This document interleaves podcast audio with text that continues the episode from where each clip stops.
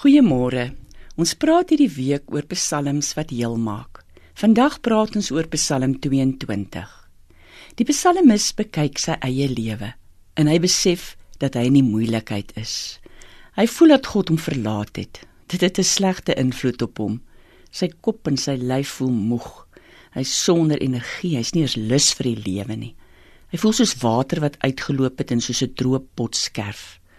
Dis hoe mense in daardie tyd gepraat het oor angs en depressie. Hoe hanteer die psalmis nou hierdie probleem? Hy nooi God in om hom te red van hierdie situasie. Om vir hom die pad te wys, om saam met hom teen sy vrese te veg, om hom uit te kry onder die klip waaronder hy lê. Die psalmis kry skielik die gevoel dat God daar is en dat hy luister nadat hy hom ingenooi het. En nou begin die psalmis se lewe vir hom anders te lyk. Hy lê nie meer onder die klip nie. Hy staan nou langs die klip. Die klip is nog daar, maar hy's besig om verby dit te groei. Skielik het die psalmis nou weer die energie, nie net om te lewe nie, maar om die lewe te geniet. Hy het hoop om gesond te word. Hy het die dryfkrag om sy probleme aan te durf.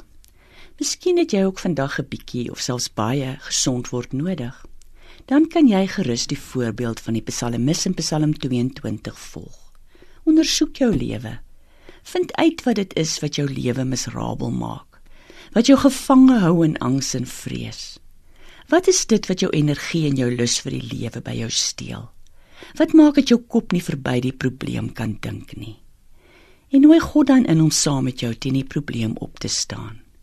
En leer ook by die Psalmis hoe om op te staan wat die waardes is waarmee 'n mens saam met God kan opstaan.